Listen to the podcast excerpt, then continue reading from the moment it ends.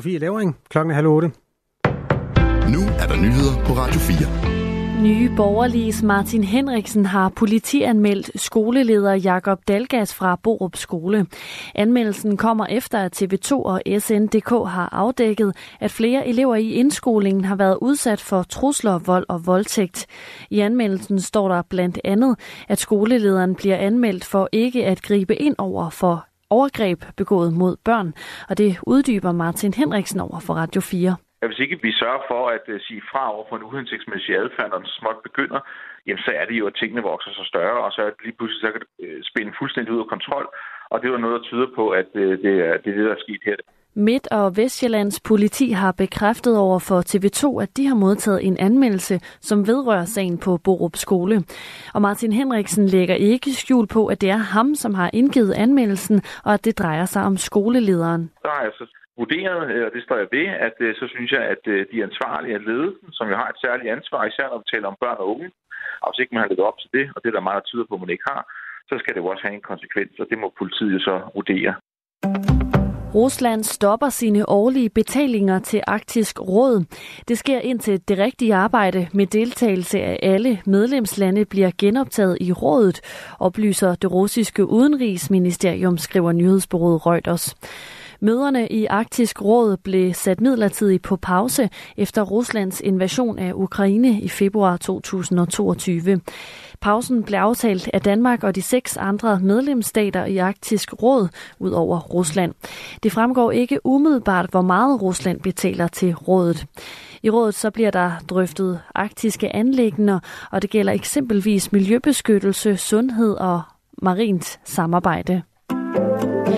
SF-formand Pia Olsen Dyr åbner for, at hendes parti kan gå i regering med Moderaterne efter næste valg. I et interview med Politikken siger hun, at et af midterpartierne sandsynligvis skal med, hvis SF igen skal blive et regeringsparti. Og så må man jo se på de to partier, der er i midten af dansk politik, Moderaterne og de radikale venstre, siger Pia Olsen Dyr. Hun ser dog ikke mulighed for, at SF og Venstre kan enes i en regering, som det ser ud nu.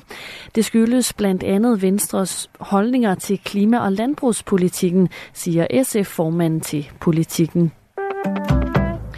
Demokraten Tom Susio Susi undskyld, overtager en plads i kongressen, efter den skandaleramte republikaner George Santos blev smidt ud sidste år.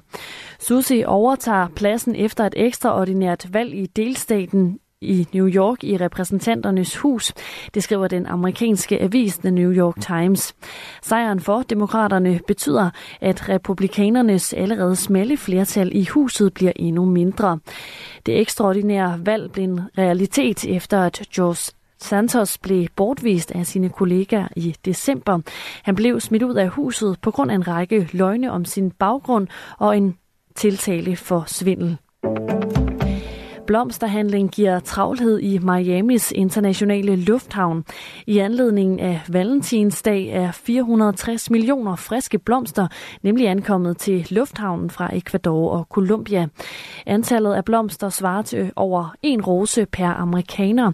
Ifølge myndigheden kommer 90 procent af alle friske blomster, som bliver solgt på Valentinsdag i USA gennem den her lufthavn overskyet vejr med regn, som i løbet af dagen bliver hvor det bliver mere tørt. Temperatur mellem 3 og 7 graders varme, og vinden den aftager og bliver